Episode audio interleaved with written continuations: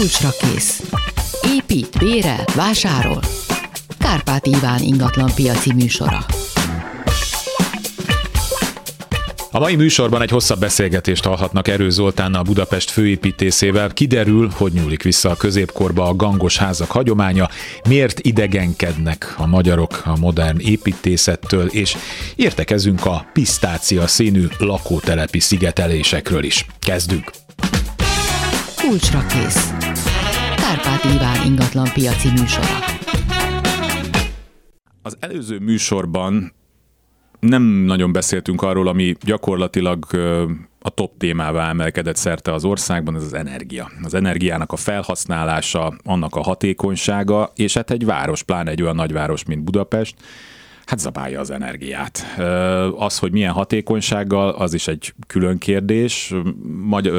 Magyarország és Budapest lakásállománya, hát finoman szólva is Hőszigeteletlen. Hőszigeteletlen, igen, ez egy nagyon jó, ezt egy külfölditől megkérdezzük, ezt hogy hallotta, hogy hőszigeteletlen. Um, egy ilyen jellegű, ilyen szerkezetű, ilyen korú és ilyen állapotba hagyott város mit tud kezdeni ezzel a helyzettel? Egy város energia felhasználása sok szálon adódik össze. Ugye alapvetően van egy lakossági és lakóépületek fenntartásának energiaigénye, ez az egyik szál. Van egy másik szál, az ipar felhasználása, ami adott esetben nagyon nagy mértékű lehet, adott esetben meghatározó lehet. Ez a második szál, és hát van egy harmadik szál, az a közlekedés. A közlekedés, bocsánat, kezdhetjük ezt előről? Persze. Ezt felejtsük el, Jó. négy szál van. Négy szál. Jó, tehát a kérdésem föl lett téve. Egy város energia felhasználása alapvetően legalább négy szálból tevődik össze. Van ugye a lakossági felhasználás, a lakóépületek fűtése, hűtése, ez egy tétel, nagy tétel. Van a közösségi épületek fűtése, hűtése, ez egy másik fontos tétel. Rendkívül nagy lehet az ipar energiaigénye, ez persze attól függ, hogy az adott városnak milyen ipari struktúrája van, ugye más egy nehéziparra épülő város, más egy, egy terciár szektorra, szolgáltatásokra épülő városnak a ilyen munkahelyi energia felhasználása, de azért ezek fontos tételek. És van egy nagyon fontos tétel, a közlekedés. Tehát, hogyha egy városban ezeket a szálakat ügyesen tudjuk kezelni, akkor komplexen lehet gondolkodni ennek az energia felhasználásáról. Ez jelen pillanatban Magyarországon még nincsen nagyon jelen, de hát nyilvánvalóan ezen gondolkodni kell. A, az energia felhasználásunknak ugye jelen pillanatban van egy nagy gondja, az, hogy gázra épül. Tehát szinte mindegyik szál szénhidrogén felhasználására épül, és ez őszintén szólva labilis. Tehát látjuk azt, hogy labilis. Egy másik nagy energiaforrás az elektromos áram, amit nálunk alapvetően a paks és a kisebb erőművek és az importenergia fedez. És az is részben gáz egyébként, mert... De hát az is sok esetben gáz Igen. erőművekre épül.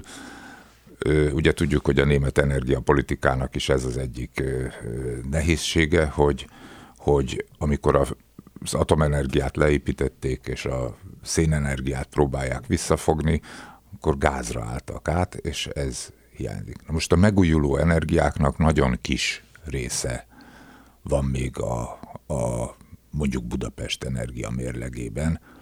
Megújuló energia lehet a napenergia, ugye jó hatásfokú energia lehet a különböző hőszivattyúkkal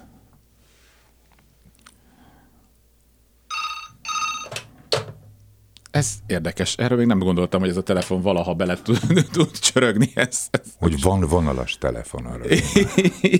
nem, ezzel hívni szoktunk embereket, ez nem, életben nem gondoltam, hogy ezen valaki ilyen, még 15 év alatt egyszer nem fordult Szóval ott tartottunk, hogy a... a... Zöld, zöld energiának tekinthetjük a megújuló napenergiát, ugye Magyarországon viszonylag kevés a szélenergia, egy kedvező energiaforrásnak tekintjük a hőszivattyúkkal nyert energiát, mert egy olyan áttétel érvényesül ebben, amivel a felhasznált hőenergia, vagy felhasznált energiával további energiaforrásból tudunk hűteni, fel, fűteni. fűteni, hűteni, és ez egy hasznos dolog, de hát látni kell, hogy azért Budapesten ennek a kiépítése, kiépülése még nagyon messze van a kívánatostól. Na most Budapestnek elkészült, hát ez egy pár héttel ezelőtti hír volt, egy ugye egy szolár térkép, ami fölmérték azt, hogy például a tetőkön, hogy mennyi napelemet lehet mm, elhelyezni, ezt meg is lehet nézni bárkinek a megfelelő weboldalon. Erről mi a véleménye? Én nekem ez a, összességében nagyon tetszik ez a megközelítés, de azért nagyon kell vigyázni vele. Mert ez nem mást mutat, mint azt, hogy jó tájolású tetőn van-e, és milyen szögben éri a napsütés. Tehát ez mindenkinek egyénileg is eldönthető. A, attól óckodnék, hogy ennek az összes napenergia teljesítményét bármivel összevessem, hogy ez fél paks vagy nem fél paks. Ez ö, számomra idegen, mert akkor a, akkor a kiskunságban leteríthetünk egy ugyanekkora felületet, és megnézhetjük, hogy oda mennyi napenergia érkezik, hát ugyanennyi érkezik. Tehát az, hogy potenciálisan mennyi energia érkezik egy területre, és abból mennyit tudok hasznosítani, ez ugye két teljesen különféle dolog. Tehát a, a szolártérkép készítőivel ott vagyunk egy kicsit vitában, hogy a történeti épületekre, a Nagykörútra, vagy akár a Szélkálmán tér déli tájolású tetőire érdemes egy napelemet rakni. Itt egészen más tényezők határozzák meg, tehát gondoljuk el, hogy egy 50 lakásos 19. századi társasház tetejére 50 különböző családnapelemeket szerel, és ezeket beköti 50 inverterbe és 50 adokkapok villanyórába, ez nem egy ö, hatékony felhasználása azoknak a forrásoknak, amik adott esetben a napenergia feltárására juthatnak. Tehát vannak ilyen gyakorlati számítások, hogy az ilyen egyedi beruházások körülbelül ötször annyiba kerülnek, mint hogyha csinálunk egy nagy napelemparkot valahol a pusztában. Ugye hol van ez a puszta, az egy kérdés, mert... És kérdezzük meg róla a pusztaiakat is, akik arra felé laknak. A pusztaiak örömmel fogják venni, mert látjuk azt Romániában is, hogy akár a legjobb termőföldeket örömmel be napelemezik, mert adott esetben hatékonyabb jövedelmet biztosító forrás, mint maga a mezőgazdasági művelés, de azért mezőgazdasági, meg élelmiszergazdasági szempontból azért nyilván nem ez az irány. Lehet olyan helyeken csinálni, amelyik nem jó termőföld, de mondjuk óvnék attól, hogy a Badacsony szőlődombjain, vagy a Szentgyörgyhegy szőlődombjain déli tájoláson ezentúl szőlőhelyet, napelemet tegyünk. Hát pedig ahogy egyébként ott bizonyos, hogy mondjam, tőkés csoportok terjeszkednek a Balaton környékén, és hát hogy szereznek. Szlovéniában is láttam erre példát, és ezért óvnék ettől, tehát, tehát borzasztó, amikor egy hegyoldal napelemparkkal van fedve. De hát gondoljunk arra, hogy akár a sivatagban is lehet napelemparkot csinálni, tehát látjuk azt, hogy aki igazán nagyban gondolkodik energiáról, mondjuk ezt Rotterdami példaként hallottam, ők hidrogént gyártanak Észak-Afrikában, nagy napelemparkban, a sivatagban, ezt a hidrogént fölhajózzák Rotterdam kikötőjébe, és ott hát hálózatba, van, erre, van hálózatba kötik. Hát, Ö, ugyanez, van tengerük, ahol szél fúj, a tengeri szélkerekekből tudnak hidrogént előállítani, és hidrogént használnak föl a városi energiamérlegben. Na most ilyet még nem hallottunk. Ami egy nagyon érdekes dolog, hogy Nyugat-Európában megfigyelhető, hogy a szemetet nem szelektálják, mint ahogy nálunk a szelektív hulladékgyűjtés szerencsére tért kapott, és, és elindult, és ez egy, ez egy jó hasznosítási megközelítés, de Nyugat-Európában több helyen látjuk, hogy elégetik a szemetet. És hát benne Budapesten hagy... is megtörténik. Budapesten is megtörténik, de ugye, hogyha szelektáljuk és kivesszük belőle a műanyagot és a papírt, akkor akkor kevesebb a fűtőérték. Tehát magyarul akkor, akkor igaz az a városi legenda, hogy úgy is összeöntik a végén nem, az ez egészet, itt, ez nem? Itt nem igaz, ez itt nem igaz. De Kopenhágában fűtőművet állítanak a város távfűtő hálózatára, és nyilván más helyeken is a fűtőművek, ugye Svédországban is nagyon elterjedt a fűtőmű, amelyik viszont válogatás nélküli szemetet éget. Tehát ez is lehet egy megközelítés, és nagyon fontos megközelítés, hogy a fűtőművek részt vesznek a város energiaellátásában, és a távfűtő hálózat folytonos bővítéséről beszélünk ezekben az országokban, mert hatékonyabb és több forrás tud igénybe venni egy központi fűtőmű, mint egy, mint hogyha, e, tehát egy nagy távfűtőmű hatékonyabb tud lenni, mint ezer kicsi kazán, és az ezer kicsi kazán, hogyha gázra van kötve, akkor nem tud átállni, míg egy nagy fűtőmű állítólag át tud állni. Hát milyen, ez még azért ez milyen érdekes, hogy ugye nagyon sokáig akár az ingatlan szakmában is, hogy hát, hogy akkor ez ilyen házközponti fűtéses, vagy távfűtés, ah, ez nem jó, nem jó, nem jó, és ebben is keresem kezd megváltozni az emberek gondolkodás, hogy ja, ez azért mégsem olyan rossz. Plusz pár hete autóztam a, a Szent István körúton, és néztem, hogy ott a Vix Színház mellett, mondom, Jézus Mária 40 méter mélyes lyukakat ásnak, mondom, mit csinálnak? Még garázs? Mi, mi lesz itt? És akkor kiderült, hogy a, fejlesztik a, a távhő Igen, most már Pesten is ugye átjött az Erzsébet hídon, tehát maga a budapesti városháza és a távhő hálózatra van kötve. Ez, ez, ez azért egy hatékony rendszer, Kérdés, hogy a bemenő oldalon a gáz tudjuk-e valahogy kiváltani és mérsékelni. A, a felhasználásban ugye az egy döntő változás, tehát vannak döntő változások ahhoz a szocialista távfűtő műve, műhöz képest, ami itt 80-as években meghonosodott, tehát a vezeték hálózatot azért lecserélték időközben, hőszigetelt vezetékekre, nem olyan nagy a hálózati veszteség, mint korábban volt.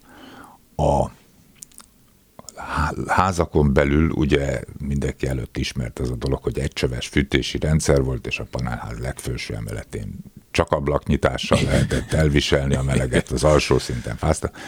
Ha ezt sikerül átalakítani, ha lehet szabályozható fűtést csinálni a lakásokban. Külön mérve és ma már egyáltalán nem ritka az, hogy házközponti fűtés vagy távfűtésre csatlakozott háznál a lakásnak van egy önálló mérője, mi is építettünk ilyet már, már, már 15 évvel ezelőtt, tehát elfogadott volt bizonyos társasházakban, hogy közös kazán épül. Bizonyos társasházakban nagyon nem volt elfogadva, ott közös kémények épültek, ami legalább akkora költséget és problémát okoz, tehát egy kéménnyel is lehetne ezer feladat a jövőben. Amikor ugye szóba került ez, hogy hát nem néz ki jól a 19. századi nagyon szép belvárosi, eklektikus környezetben az, ha napelemek vannak a tetőn, hát ebben az is eszembe jutott, hogy és szintén saját példákból, meg a családomban lévő példákból, hát van ahol a tető olyan állapotban van, hogy konkrétan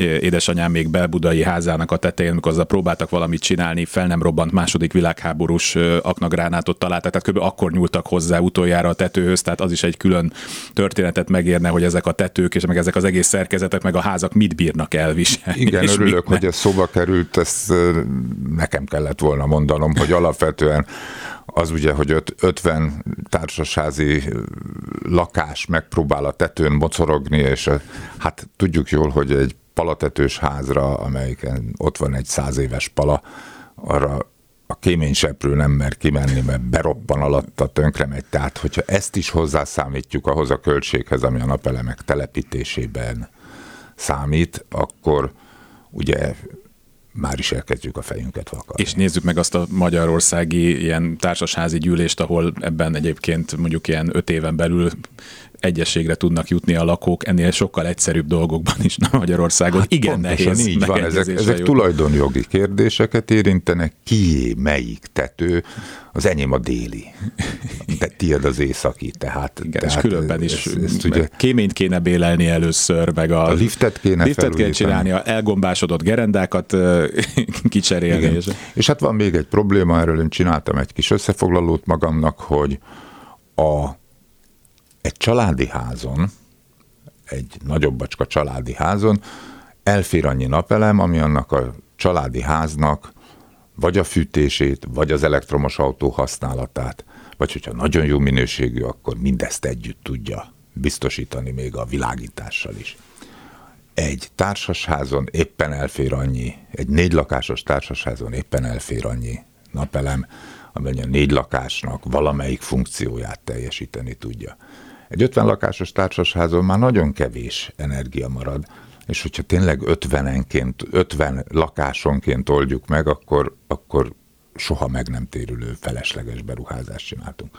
Hogyha egy órára kötjük rá, akkor a közös költséget tudjuk finanszírozni, ami adott esetben mondjuk egy panelháznál, ahol állandóan mennek közös költségből a ventilátorok, a felvonók, a világítás, ott értelmes beruházás lehet. Tehát javaslom, hogy a panelházakon gondolkodjanak a, a tulajdonosok, de közös költség szempontjából, és a kisebb családi házakon, társasházakon pedig egyenesen orvosi javaslatra előírnám. Tehát az egy nagyon jó irány.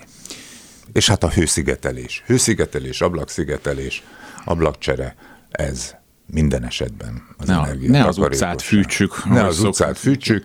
Ugye szerencsésen beindult egy panelprogram, ennek látjuk, hogy építészetileg most nem akarom minősíteni, mert a málna szín és a, a barack szín és a, a hal pisztácia színeknek egy furcsa keveréke lett így a lakótelepeken, de hát ebbe azért bele lehet törődni. De tényleg ez honnan? Tehát ez volt a, az építőanyag kereskedőnek a raktárán, Nem. vagy ez egy központi gondolat határozta meg a beruházónak az ízlése? Vagy ez, ez hogy alakult ki? Hát és, és, talán a lakosság ízlése is, tehát, tehát hát nyilván... Akkor tükrözzük magunkat, nem? Sok helyen. Sok helyen. Vannak szerencsésebb megoldások, például a a lakótelepen. Kimondottan jól sikerült ez a dolog, van, ahol kevésbé szerencsés. Ö, van, aki azt mondja, hogy egy nagy lehetőség szaladt el a kezünkből, hogy ezeket a házakat valami jobb dizájnnal diszítsük, de ne a diszítést nézzük, hanem azt, hogy ezek hőszigeteltek ezek az épületek, és egészségesek abból a szempontból, hogy a, az energiát megőrzik, és nem, mert ugye a legjobb energia, a legzöldebb energia a fel nem használt energia. Ez egy ilyen közhely már, de nem árt mindig elmondom. Van némi rálátásom kelet-szlovákiai lakótelepekre, és most, hogy így belegondolok, igazából ez a ez a halvány, teljes kávé és barack szín, az ott is dominál. Tehát én itt, a, én itt egy maffiát vélek a háttérben.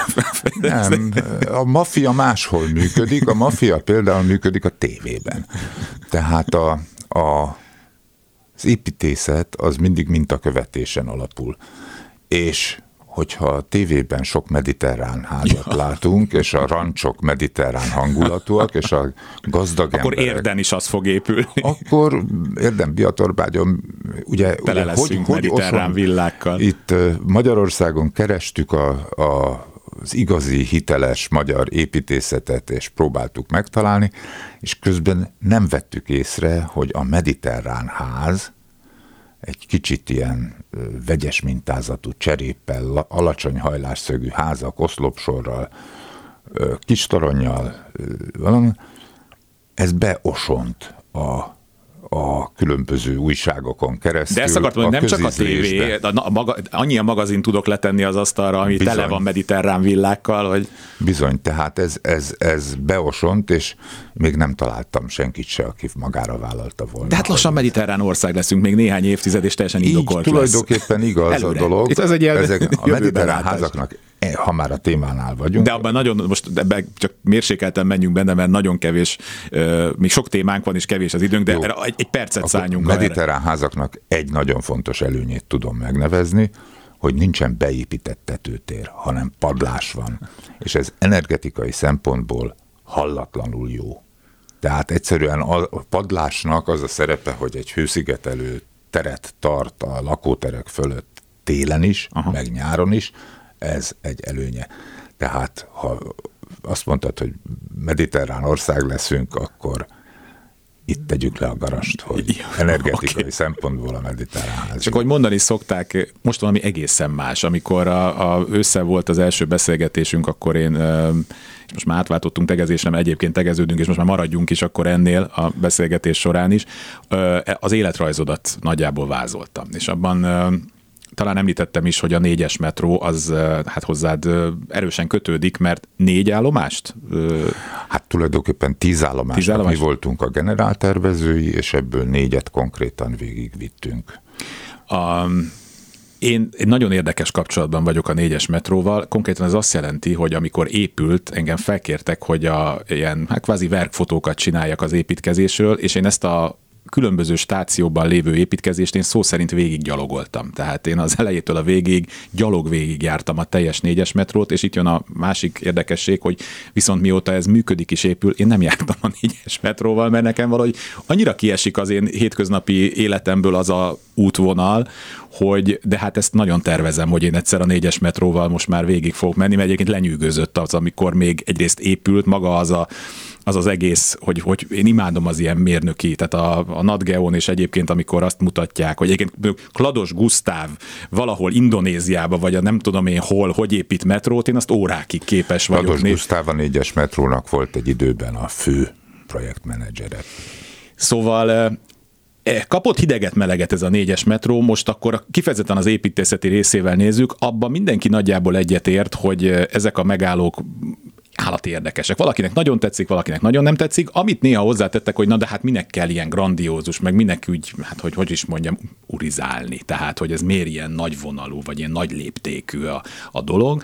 És akkor azt kérdezném ezzel kapcsolatban, hogy ez egy műszaki kényszer vagy adottság, hogy ilyennek kell lennie egy metró megállónak, vagy ha már egyszer építünk egy ilyet mondjuk 200 évente egyszer, akkor azért az nézzem már nem, ki valahogy. semmiképpen nem az utóbbi. A, az előbbi. Tehát itt tulajdonképpen egy technológiai rendszer valósul meg, egy építés technológiai rendszer, amiben ezek a hatalmas méretű betondobozok kialakulnak. De ugyanezeket találjuk Strasbourgban, Lipcsében, Németország bármelyik városában.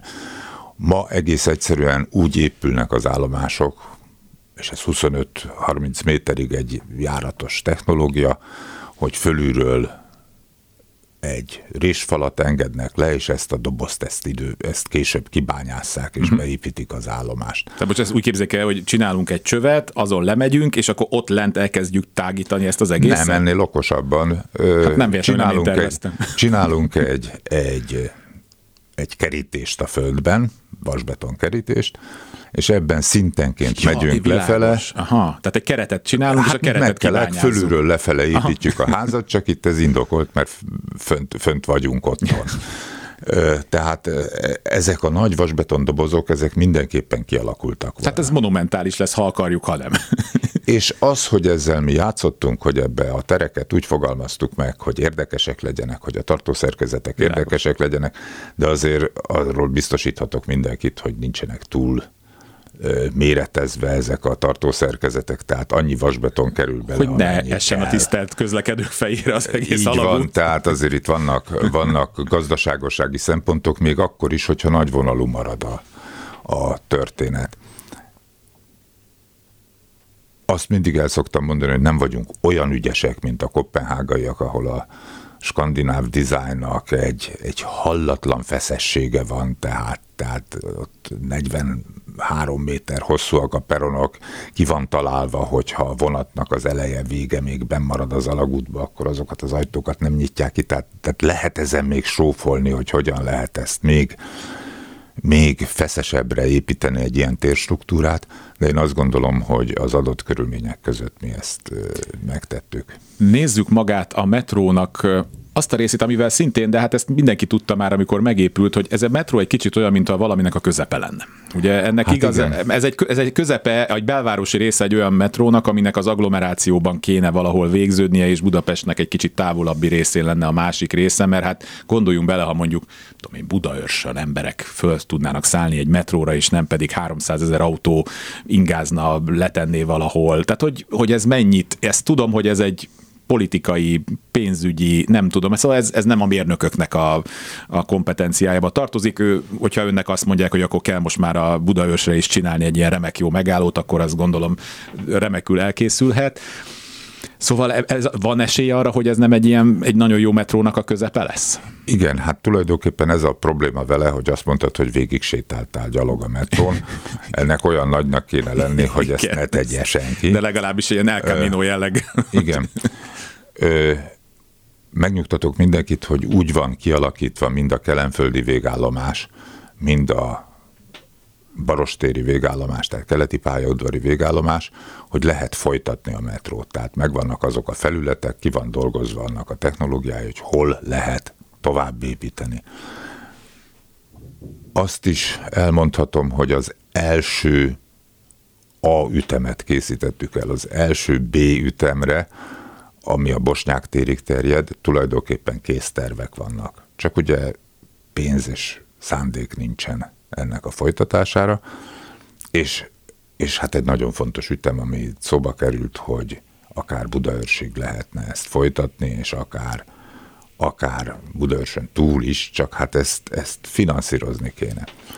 Na most ilyen szempontból a négyes metró valahol bebizonyította azt, hogy ma másképp is lehetne gondolkodni, és vannak országok, vagy vannak városok, ahol ezt megtapasztalhatjuk, ez pedig a hagyományos metróüzem és a villamos között egy úgynevezett light rail uh-huh. ö, megoldás, tehát egy, egy könnyű vasúti megoldás, ami adott esetben a városokban ugyanúgy szalad a felszínen, mint egy villamos, adott esetben bebújik a föld alá, és úgy megy, mint egy metró, adott esetben egy külvárosi szakaszon 80-90 százal is tud menni, mint egy hév. Most ugye ezzel már is meglepem a közönséget, hogy egy hév százzal tud-e menni, de hát azért a világban az elővárosi vasutak tudnak százzal menni. Tehát ez, ez egy nagyon fontos szempont.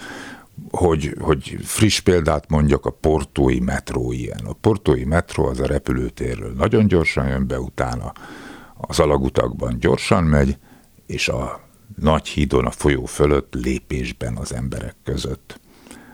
És ettől még ez jól működik, ami a lényege, hogy viszonylag kevés alagutas szakasza van, tehát ebben különbözik a hagyományos metrótól, hogy nem kell elkülöníteni a pályáját. Tehát ugye a négyes metró milyen érdekes lenne, hogyha kijöhetne a felszínre a Tököli úton, és villamosként menne tovább. De hát akkor más peron kell, akkor más áramellátás kell. Tehát ennyit a négyes metróról, hogy, hogy nagyon fontos volt a megépítése, és azért szeretném azt válaszul mondani neked, hogy hát ha nem laksz ott, akkor nem használod, de százezer ember használja. Persze, ezt nem azt mondom, csak mondom, nekem esik ki, tehát, tehát, rengetegen tehát, használják. Uh, voltak ilyen negatív hangok még az építés idején, vagy az üzemeltetés első éveiben, hogy játékmetró, csak négy kocsis, csak 80 méteres peronjai vannak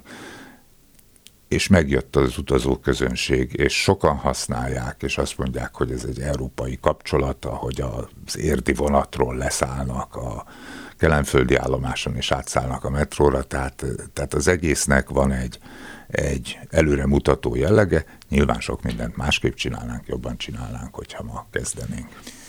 És arra is van terv, ugye? Erről már évek óta beszélnek, hogy a kettes metró az őrsnél kijön, összekapcsolódik a hévvel. Tehát ez nagyjából az lenne, amiről eddig beszéltünk, nem? Igen, igen, ez egy nagyon komplikált technológiai dolog, de hát a tervekben szerepel ez a megközelítés meg hát így akkor tényleg hát költséghatékonyabb, és nem kell ilyen amúgy egyébként mérnökileg és technológiai csodálatos alagutakat fúrni. Ráadásul, mennyire tudom, Budapestnél ez, ez nem olyan, mint New York, hogy akkor oké, okay, szikla, szikla, de végig sziklába vágunk, hanem itt aztán minden van, nem? Tehát itt az agyaktól van, a így van. hordalékon át. Tehát Buda a... egészen más, mint Pest, és Budán egy kis celli agyag nevű kőzetben kell fúrni, Pesten Kavicsban, a Duna szigetében tulajdonképpen.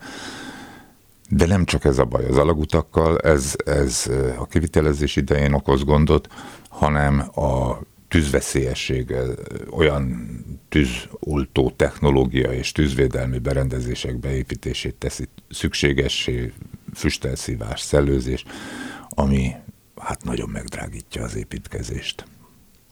Egyébként pont ennél a fúrásnál ott a Víg Színház mellett azt láttam ezen a majdnem, nem, nem is tudom, egy ház magasságú fúró fejen, hogy gyakorlatilag iszap. Tehát majdnem, hogy, tehát, hogy iszapot termeltek ki ilyen 30 méter mélyre. Ezt, ilyen nagyon nem ilyen... bizt, ezt nem biztos, hogy jól láttad. Nem vagyok geológus, Lehet, de ilyen nagyon nem, ilyen finom. Nem, nem, nagy, hanem iszapot öntenek. Ja. Adott esetben ah. van egy ilyen iszapszerű anyag, amivel megtámasztják a Földet, ez egy technológia. Na, ma is, is tanultunk valamit, rovatunkat hallották. Na, öm, a, a múltkori beszélgetésben csak úgy érintettük a, a várat és a, azt a fajta, hát ez most ilyen kor, vagy inkább rendszer szellem, hogy építsünk újra olyan épületeket vasbeton vázra, ami amúgy is historizáló volt, és már amikor a 19. század, század végén, nagy Isten 20. század elején épült, már akkor tulajdonképpen egy historizáló történet volt. Ezt megbeszéltük akkor volt a várba, ugye a, a levéltár mellett ez a teherelosztó, teherelosztó országos teherelosztónak az építmény. Amit, amit elbontottak, hát amennyire lehetett ezt olvasni, meg az ember nézte a kommenteket, ez amúgy is, hát mondjuk így közutálatnak örvendett, nincsenek rá, mondom, hivatalos felméréseim, de ennek kapcsán gondoltam azt, hogyha egy magyar ember meglát egy ilyen környezetbe, egy ilyen épületet, ami ez a teherelosztó volt, amin még egy laikus is látja, hogy a tervezője abszolút próbálta beilleszteni a kor színvonalán és építészeti filozófiáján ezt az egészet egy középkori, illetve hát egy ilyen klasszicista környezetben. Mi lehet annak az oka, hogy Magyarországon az emberek, és én szerintem ezzel elkapta a rendszer a, a, a közérzetet, tehát inkább néz egy ilyen, nem tudom, neobarokk, ilyen kis puttós angyalkás, vagy egy ilyen klasszicista épületet, és, és annyira nem rezonál azokra az épületekre, ami illeszkedik a környezetében, mert azért egy fontos ö, történet, de, de mégis modern. Szóval ennek mi, mi lehet a, ennek a fajta, hát nem tudom, ez konzervativizmus, vagy nem tudom, minek nevezzem. Szóval ennek mi a gyökere? Mi is ezt keressük. Mi is ezt keressük, főleg abban az összefüggésben, hogy egészen közeli szomszédos országokban ennek a nyelvnek a az ismerete sokkal kézenfekvőbb. Tehát Szlovéniában, Csehországban, Szlovákiában, de még talán Romániában is sokkal oldottabban használják ezt az építészek, a megbízók, nem feltétlenül ragaszkodnak egy, egy konzervatív ízléshez, vagy nem feltétlenül ragaszkodnak ennek a neohistorizáló ö, formakincséhez, hanem igenis elfogadják azt, hogy a modern építészet adott esetben koncepciókban gondolkodik, adott esetben egy olyan nyelvvel, nyelvet használ, ami a régi és az új közötti párbeszédre ad lehetőséget. Ilyen volt a teherelosztó is. Adott esetben az új formáknak is van annyi üzenete, van annyi mondani valója, hogy az önmagában pótolja a klasszicista nyelvkincset, ha már ezt a példát vettük elő, hogy pont klasszicista, de hát ugye ezek a várban, várban megépülő házak, amikről szó van, ezek nem is klasszicisták, ezek a 19. század végének egy elég fáradt eklektikáját mutatják, nyilván egy hatalmi stílust próbáltak megközelíteni.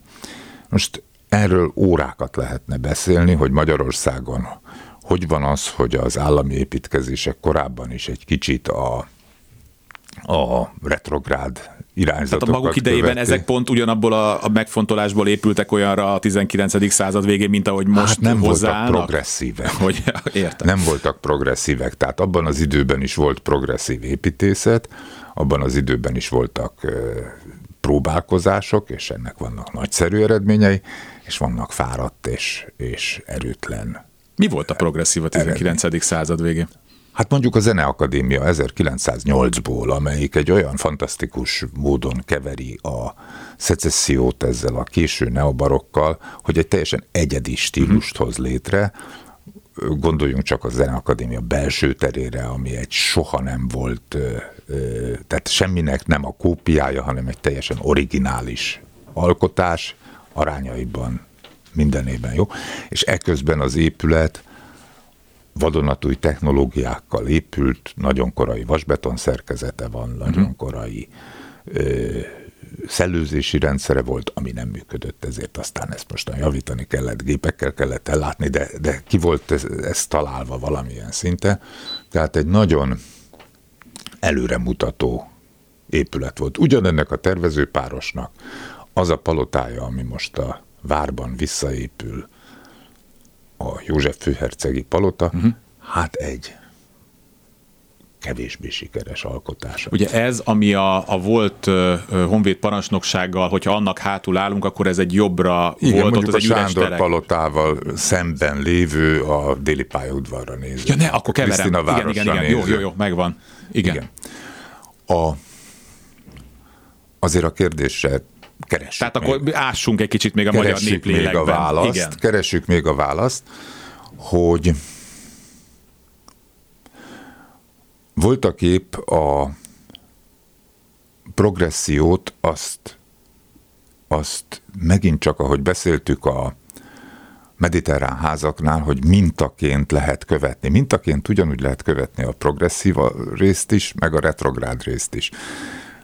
Mi azt szoktuk mondani, hogy ez egy egyik kollégám, aki ráadásul nem is építész, hanem tájépítész, ő fogta meg a legjobban ennek a, a kifejezését, ez a historikus populizmus. Tehát olyan stílusban megyek előre, amelyik populáris, amelyik könnyen érthető, amelyik egyszerű és, és cirádás.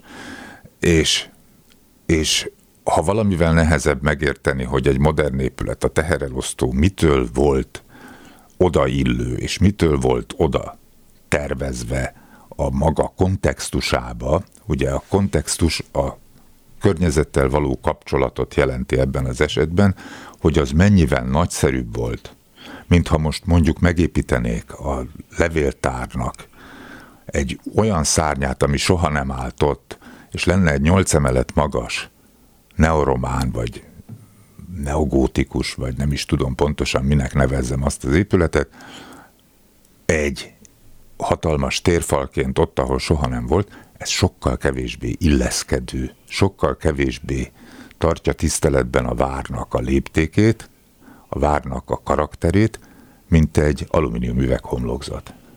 Tehát az alumínium üveghomlokzat az egy eszköz, egy nyelv, de hogy mit mondott el, azt mondta el, hogy én itt párbeszédbe akarok lenni a környező klasszicista házakkal, és még egy középület funkciót is, vagy egy ilyen energetikai funkciót, mert mint a teherelosztó, az egy, az egy nagyon fontos, tehát az országnak a, az elektromos rendszerének az agytrösztje volt ott.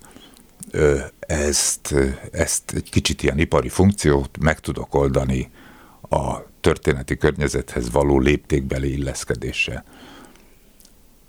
És akkor itt oda jutunk el, hogy mit akarunk, mit várunk ezektől az épületektől. Azt várjuk, hogy illeszkedjék, vagy azt várjuk, hogy reprezentáljunk azzal, hogy mekkora nagyot tudok odarakni. És hogyha ez a második irány jön elő, akkor már megint mindegy a stílus. Ha most fölmegyünk a disztére, egy katlanban érezzük magunkat, mert a visszaépült az a Honvéd főparancsnokság kupolás épülete, ami ezt a teret egy hatalmas nagy tömeggel zárja le, és én meglettem volna nélküle. Jó, térjünk vissza a Várból Pestre. Pestnek nagyon meg, hát Budának is, tehát ennek a belbudai résznek, de hát alapvetően Pestnek meghatározó stílusa ezeknek a bizonyos 19. század végén, 20. század elején épült épületeknek, ugye ez a körfolyosó, gangos ház, függő folyosó, majd a pontos szakszót azt majd elmondod nekem, hogy mm, ebből említettem már más műsorokban, nekem ez van érzelmi kötődésem, ilyenekben nőttem fel, más ettől sikítva menekül, nekem ez volt a szokásos, de hát miután én laktam viszonylag magas emeleten, meg laktam földszinten is, hát én mindig éreztem, hogy itt azért, hogy mondjam, a tervezésnél nem feltétlenül az volt a szempont, hogy ez egy kellemes otthon legyen, már aki lakott már egy ilyen körfolyosós, szűkudvaros, de viszonylag magas házban, az pontosan tudja, hogy a földszinten, de még akár az első emeleten is, hogyha az embernek nincs az utcára ablaka, már pedig ezeknek egy jó részének ezeknek a lakásoknak nincs, akkor ez sötét. Tehát itt gyakorlatilag fényes délben lámpát kell kapcsolni, hogy az ember bármit lásson, plusz nehezen szellőzik, plusz a szigetelést száz évvel ezelőtt nem egészen úgy oldották meg, mint most, tehát dohosodik. Hát szóval a technológiája, hát hogy finoman szólva. Hogy ez hogy alakult ki, mi ennek a képe, tehát hogy, hogy kezdtek el ugye Budapest robbanásszerűen fejlődött ugye így a, a, a, két, a századfordulón is, tehát ugye kezdve a kiegyezés után. Tehát itt, itt marha jól lehetett beruházni, volt hitel, épültek ezek a házak, és nyilván akkor is már az volt a szempont, hogy adott területre minél több lakást lehessen csinálni, mert hát akkor is kapitalisták hát éltek. Így van, ez, ezzel szóval, meg született a magyarázat. Meg, akkor, meg, akkor megmagyaráztam, nem? Tehát, na jó, szóval, hogy ez hogy alakult ki, és mikor jöttek rá arra, hogy azért ennél lehet élhetőbbet is csinálni. Ennek így nem tudom, adjunk rá egy hat, és fél percet tudunk erre szánni nagyjából még a műsorból. Akkor én a, gyorsan elmondom, hogy mind a három szakkifejezés jó, tehát a gangos, körfolyósós, függőfolyósós ház, mindegyik használatban van, még akkor is, hogyha a függőfolyósok soha nem függenek, hanem valamilyen konzolos szerkezetet jelentenek, de hát Semiramis függőkertjei sem függöttek. Vagy legalábbis nem tudom róla. Ö, komolyra fordítva a szót, a, az udvaros ház, ez történelmileg alakult ki, tehát ö, akár megnézzük bármelyik vidéki városunkat, ahol középkori vagy reneszánsz, kőszegi reneszánsz házak, udvarosak, mert úgy alakult ki a város, hogy egyik oldalhatáron álló házban szemben építettek egy másik oldalhatáron álló házat, majd áthidalták az egészet, hagytak egy nagy kapubejáratot a szekérnek. Amikor ugyanez emeletessé vált, akkor volt már függőfolyosó, és ez a városban is így épült, tehát nem a 19. század végén kezdődött el, hanem a 18. vagy a 19. század, 18. század végén, vagy a 19. elején. De hát a vári házak is, amik középkorból maradtak ott, és a török igen. után épültek ki, függőfolyósosak lehetnek. Ezzel mindaddig nek, a lakóknak sincsen problémája, amíg mondjuk ezek viszonylag alacsonyak és viszonylag tágasak Ez az, az udvarok. Uh-huh. A spekuláció volt az, ami a 20. század elejére, vagy a 19. század végére ugye ezeket egyrészt magasságban meghúzta, másrészt összeszűkítette. Vagy még hátsó udvart nyitott. Most erre nem csak Budapesten, hanem Bécsben, Berlinben is vannak Igen. rettenetesen rossz példák. Tehát ez a dolog, hogy úgy mondjam, a közös örökségünk. A függőfolyósos házakról azért ugyanakkor, tehát ez a hivatalos elnevezésük a körülépített udvaros ház. Na, ezt A körülépített udvaros házaknak a az alaptípusa úgy néz ki, hogy az utca felé van egy két traktusos rész, tehát nagyobb, jobb lakások vannak utcai ablakkal. Az udvari szárnyakban körös körül pedig kisebb, rosszabb szobakonyhás lakások, a függő folyosóra néző bejárattal és ablakkal, ugyanez a földszinten már sötét is. A harmadik emeleten jó lehet. Ezek a házak ugyanakkor egy nagyon érdekes dolgot tudtak. A szociális keveredést.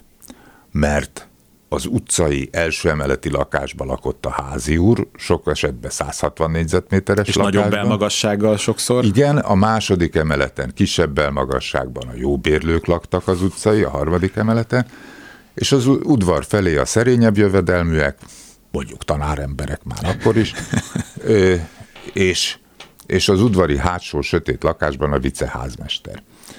Tehát ezek az emberek egy épületen belül egy szociális mixet alkottak, és amikor kiléptek az utcára, és elindultak az utcán, akkor mindenféle ember mozgott az utcán. Tehát ez önmagában egy heterogenitást adott a városnak.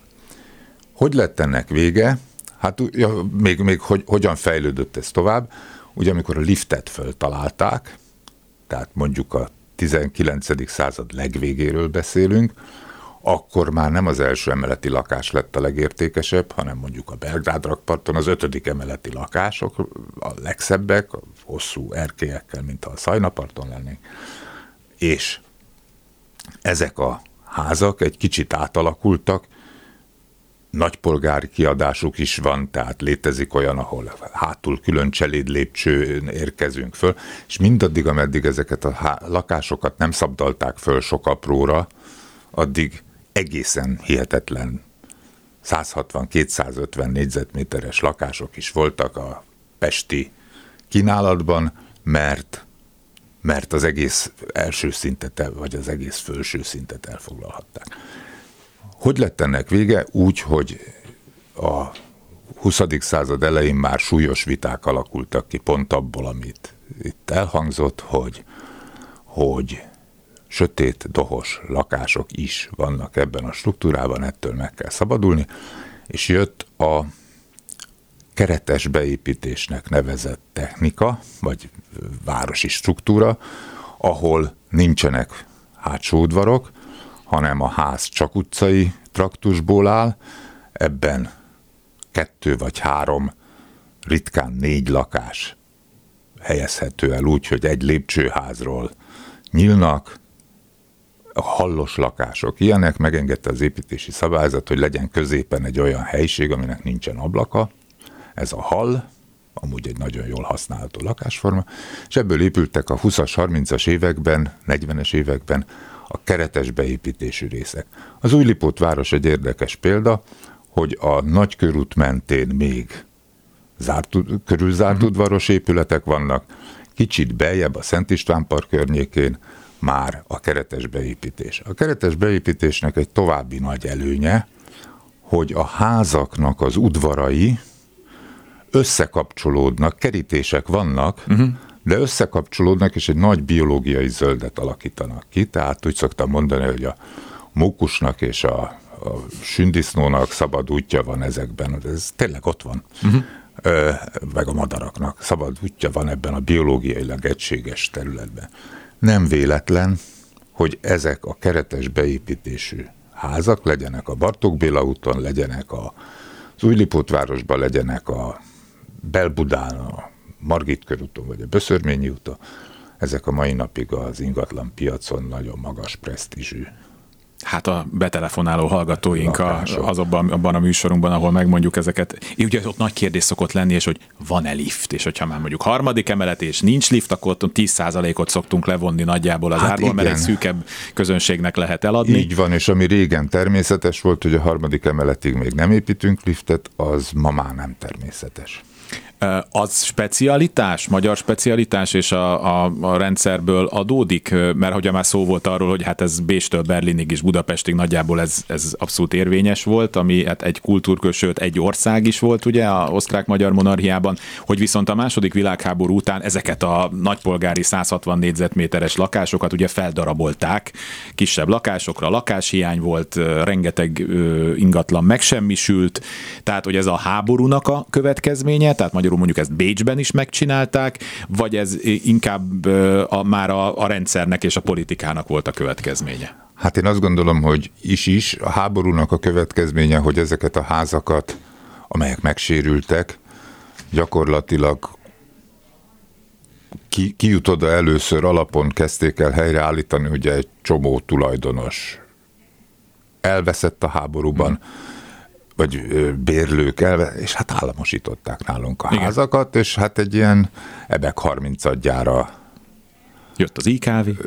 Jött az IKV, és, és, és, és aki kapja marja, elkezdték ezeket a lakásfelosztásokat csinálni az emberek, gyakorlatilag belevették magukat egy kész struktúrába, nem lehet ezért hibáztatni senkit, aki, aki ebben annak idején téglával, malterral vett részt, hogy egy romos részből magának csináljon egy, ház, egy lakást, de hát ebből nagyon ócska struktúrák alakultak, tehát véletlenül se kerülnek egymás fölé a fürdőszobák, véletlenül se ö, ö, gondoskodtak arról, hogy minden épület szerkezeti részlet jó legyen megoldva, tehát a lakások között ne hallatszon át a hang, Tehát magyarul egy nagy vacak jött ki ebből, de ami a nagyobbik baj, hogy a nagy vacakot azt ugye privatizálták a rendszerváltás során, és soha helyre nem állítható, tehát illetve nem jól mondom, kivételes esetben állítható helyre a nagy lakások egysége, mert igenis van rá példa, mondjuk egy Andrássy úti házban, vagy egy Szent István körúti házban, ahol a nagy lakásokat kisebbekből fölvásárolják, és összenyitják. És azért ez ilyen értelemben pozitív fejlemény, olyan értelemben pedig, hogy igazából mire van szüksége egy embernek, egy kopenhágai példát hadd mondjak el, hogy amikor Kopenhága városa úgy látta, hogy nagyon kevés család marad a város belsejében, uh-huh. akkor a, ott egy kétlakásos, emeletenként kétlakásos rendszer egy általános megoldás, akkor rábeszélte a háztulajdonosokat, hogy nyissanak össze két lakást, két 50 négyzetméterest, egy 100 négyzetméteressé, hogy családok kényelmesen elférjenek benne. Uh-huh. A családok valóban bejöttek a városba, Kopenhága szépen szaporodott, de új házak is épültek, és kiderült, hogy a lakás állomány nem nyújt elég helyet a pályakezdőknek, vagy az egyedülállóknak. Ezért a város rábeszélte a háztulajdonosokat, hogy a 100 négyzetméteres lakásokat vágják ketté, két ötvenesre. Na most ez egyfajta rugalmasságot jelent. Igen. Tehát ez ma is tapasztalható a lakótelepi lakásoknál. Vannak olyan lakótelepek, és most nem feltétlenül panelszerkezetre gondolok, hanem tégla lakótelepre, ahol az egyetlen egy probléma a lakókörnyezettel az, hogy kicsik a lakások, 50 négyzetméteresek. De van rá erre gyakorlat, és a téglánál ezt nem is olyan nehéz megoldani, hogy két lakást összenyissanak, és pazar.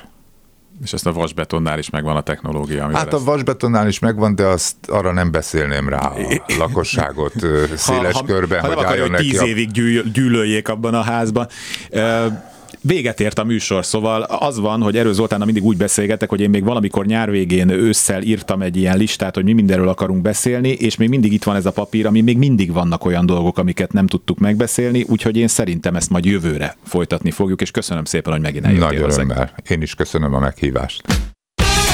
Kulcsra kész. Kárpát Iván ingatlan piaci műsora. Köszönöm a figyelmüket, a szerkesztő Kamasz László volt, a műsorvezetőt Kárpát Ivánt hallották, találkozunk jövőre. Kulcsra kész. Kárpát Iván ingatlan piaci műsorát hallották.